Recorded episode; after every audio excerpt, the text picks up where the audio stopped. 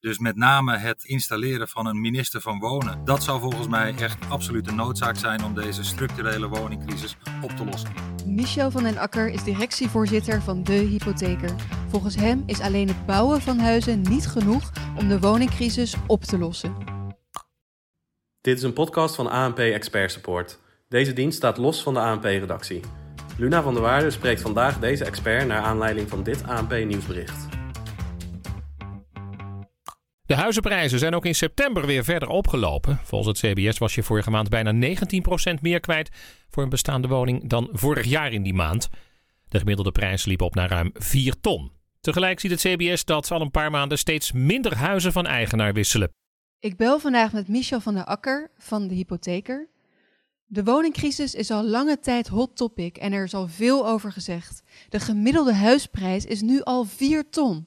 Wat is nou de gemiddelde prijs die een Nederlander voor een koophuis kan neerleggen? Ja, dat is een goede vraag. Eh, de huizenprijs is inmiddels eh, gestegen tot uh, zelfs boven de 400.000 euro. En als je uitgaat van het, van het modaalinkomen wat mensen in Nederland verdienen, en je hebt het dan over een, een, een stel dat samenwoont of een echtpaar, dan kunnen die, als ze beide een modaal inkomen verdienen, dan kunnen die zo'n circa 350.000 euro lenen. Dat is de maximale lening die zij kunnen krijgen. Dus de gemiddelde huisprijs zit ruim boven wat een stel samen kan betalen. Ja, die zit daar ruim boven. En wat je dus in de praktijk ook ziet, is dat uh, mensen zonder uh, eigen middelen geen woningen kunnen kopen. En met name jonge starters, die zullen dus een beroep moeten doen op hun ouders om de zogenaamde jubelton in te moeten zetten. Want anders is bij het kopen van een huis voor die groep met name onbereikbaar geworden. Ja, en je noemt al even de jubelton. Kun je kort uitleggen wat dat precies is? Nou, wat dat uh, inhoudt is dat uh, ouders de mogelijkheid hebben om fiscaal vriendelijk hun kinderen te helpen tot een maximaal bedrag van 100.000 euro bij het aankopen van een woning. En dat is wat vermogende ouders vaak doen om jonge starters hun kinderen een kans op de woningmarkt te geven. En dan wil ik weer even terug naar het nieuwsbericht. Want daarin is te horen dat het CBS ziet dat huiseigenaren minder snel verhuizen. Maar ik las ook in het nieuws dat er een flinke toename is in hypotheekaanvragen. Dat klinkt paradoxaal. Ja, wat, wat je, dat snap ik. Wat je ziet is dat uh, de hypotheekmarkt uh, globaal genomen in twee categorieën te verdelen is.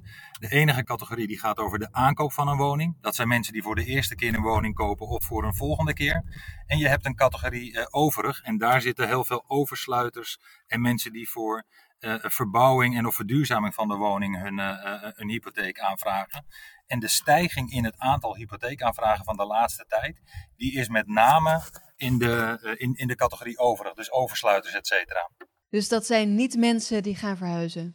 Nee, dat zijn uh, niet mensen die gaan verhuizen. Dat zijn met name mensen die juist blijven zitten in de woning waar ze, waar ze, waar ze nu zijn. En daar dus een, een, een tweede hypotheek voor aanvragen om te verbouwen of te verduurzamen. Maar mensen die al een koophuis hebben, die zullen ook wel zien dat de waarde van hun huis stijgt. Hoe komt het dan dat die mensen ook niet verhuizen of hun huis verkopen? Ja, ik denk dat heel veel mensen, dat zien wij in de praktijk ook. als je kijkt naar het huizenaanbod, wat bijvoorbeeld te koop staat op het huizenplatform Funda, daar zie je dat vanaf de zomer vorig jaar tot aan het einde van deze maand het huizenaanbod met meer dan 50% is gedaald. Dus mensen willen wel verhuizen, maar het aanbod om een passende volgende woning te vinden is gewoon enorm schaars. En vanuit de politiek en ook vanuit andere hoeken hoor je regelmatig dat meer bouwen de oplossing is. Wat is volgens jou nou de oplossing van deze woningcrisis? Nou, ik denk dat, uh, dat meer bouwen uh, sowieso uh, een van de oplossingen is. Er is gewoon een schrijnend tekort aan toegankelijke woningen voor, voor starters. Dus er moet absoluut meer, meer gebouwd worden. Tegelijkertijd zie je ook, ingegeven mede door de COVID-crisis, is dat er op veel plekken uh, ook uh, bedrijfsruimte, kantoorruimte leeg staan. Daar zou eigenlijk een, een herbestemming van die locatie op moeten plaatsvinden, waarbij we ook dat soort locaties veel meer geschikt maken voor, voor bewoning. Dus het is eigenlijk een pakket aan maatregelen wat daarvoor getroffen moet worden. En zijn er ook nog andere oplossingen behalve meer bouwen of leegstaande panden vullen met huizen? Nou, er, er, moet zoals gezegd uh, gebouwd worden, zowel voor de jonge starters, maar als ook voor de senioren. Zodat ook de doorstroming voor die senioren op die woningmarkt uh, uh, een impuls gaat krijgen. Want als er aan het einde van een, van een reeks bijvoorbeeld een, een senior doorstroomt naar een volgende woning, dan betekent dat automatisch dat in die keten er ook weer een woning voor een koopstarter beschikbaar komt. Dus aan twee kanten moet daar initiatief worden genomen. Ik denk als je kijkt naar het woningtekort wat we hebben tot 2030, dan zien we dat we meer dan een miljoen woningen tekort hebben. Nou, dat is natuurlijk een significant aantal.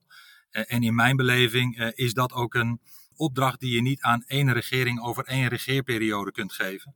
Dus met name het installeren van een minister van Wonen, die over een langere periode dan een gemiddelde regeerperiode heen kijkt en daar met provincies en gemeenten een initiatief opstart, regie ophoudt en daar ook op toeziet.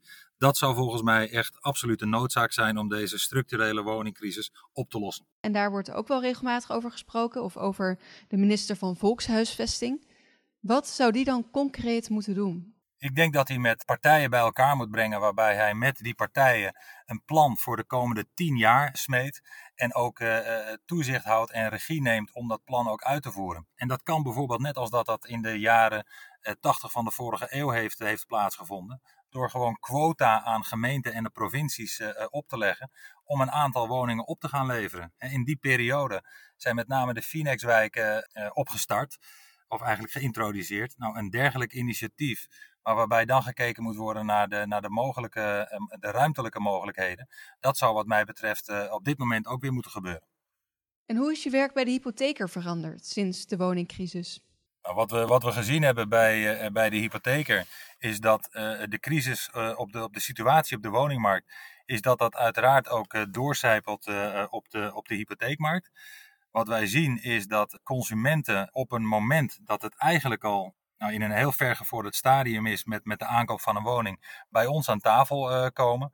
En dat die mensen uh, zo graag in een woning, die woning willen, willen kopen, dat uh, je mensen er echt voor moet behoeden dat de emotie niet de overhand neemt en ze ook behoedt voor onverantwoorde risico's. En een van de dingen die we dan daar ook zien, is dat mensen om de woning maar überhaupt te krijgen, omdat ze al vier keer nul op het request hebben gekregen, is dat ze een, eh, een bod gaan doen op een woning, zonder daarbij het voorbehoud op financiering eh, te maken. Ja, en dat zijn natuurlijk onverantwoorde risico's als wel die woning wordt toegewezen, maar je straks de financiering niet rondkrijgt. Ja, dan zit je met een flinke financiële strop. Dus dat is wat wij, eh, wat wij, wat wij ervan merken in, in de winkels. Wat wij ook merken bij ons in de winkels is dat hypotheekadviseurs uh, van ons wel in gesprek zijn met consumenten. Maar dat we uh, onze dienstverlening voor die klanten niet kunnen inzetten, omdat zij uiteindelijk toch achter het net hebben gevist bij een te koopstaande woning. Dan is een ander hen voor geweest en heeft door een hoger bedrag over te bieden die woning gekregen. Want dat is aan de orde van de dag op die woningmarkt. Er wordt gemiddeld 50 tot 60.000 euro overgeboden op een woning. En met wat voor vragen komen mensen dan nu naar de hypotheker en hoe helpen jullie die mensen op weg? Ja, de vragen die, waarmee mensen bij ons naar de hypotheker uh, komen, is om, uh, om hen te adviseren over wat ze kunnen doen om hun kansen op de woningmarkt te, te vergroten. Wat wij dan uh, aangeven is dat zij eigenlijk al in de fase voordat ze een woning hebben, bij ons op kantoor moeten, moeten komen en zich daarover het beste laten adviseren ervoor zorgen dat je dan alle stukken die je moet opleveren op het moment dat je een hypotheekaanvraag doet, dat je die alvast al allemaal eh, aanlevert, zodat als je die woning uh, uh, te pakken hebt, je ook het proces van het aanvragen van de hypotheek zo goed en zo snel mogelijk kunt, kunt afronden. Ja, dat zijn de tips die wij, die wij ze meegeven. Wat wij ook meegeven is dat bij een financieel complex product als een hypotheek je eigenlijk altijd advies nodig hebt. En wat wij ook zeggen is dat een hypotheek veel meer is dan alleen een zak geld. Daar komen ook verzekeringen en allerlei onvoorzienbare scenario's uh, bij kijken. Dus het vinden van de juiste hypotheek is meer dan alleen een product met de goedkoopste rente. Je moet daarbij ook kijken naar uh, productvoorwaarden en met name ook het proces van het accepteren van zo'n lening wat erbij komt kijken. Dus het zijn eigenlijk die drie P's die wij klanten meegeven bij het gesprek bij ons in de winkels. En heb je tips voor mensen die op zoek zijn naar een koopwoning, maar totaal vastlopen in hun zoektocht? Ja, wat, we, wat, wat we zien, totaal uh, vastlopen in, in, in hun zoektocht. Het is inderdaad moeilijk om, om een passende woning uh, te vinden. Uh, ik denk dat een van de dingen die wij mensen ook aanraden, kijk nog eens kritisch naar de, naar de wensen en eisen die je hebt ten aanzien van het vinden van een passende woning. Kijk of je daarop kunt bijstellen. Kijk naar wat de COVID-periode en het thuiswerken bij je werkgever aan mogelijkheden biedt om wellicht niet midden in de stad, in de Randstad, maar ook net daarbuiten even naar het woningaanbod te kijken. Ja, en mijn tip zou zijn, die ik net ook al noemde, ga voordat je een woning op het oog hebt, laat je daarin goed adviseren door een hypotheekadviseur. En kijk wat je allemaal al voorafgaand aan dat proces voor elkaar kunt krijgen. Zorg dat je je zaken op, op orde hebt en laat je niet leiden door emotie. Hartelijk dank. Deze en andere experts staan in de database van ANP Expert Support. Ga voor meer informatie naar anp.nl/slash expertcast. Dit is een podcast van ANP Expert Support. Deze dienst staat los van de ANP-redactie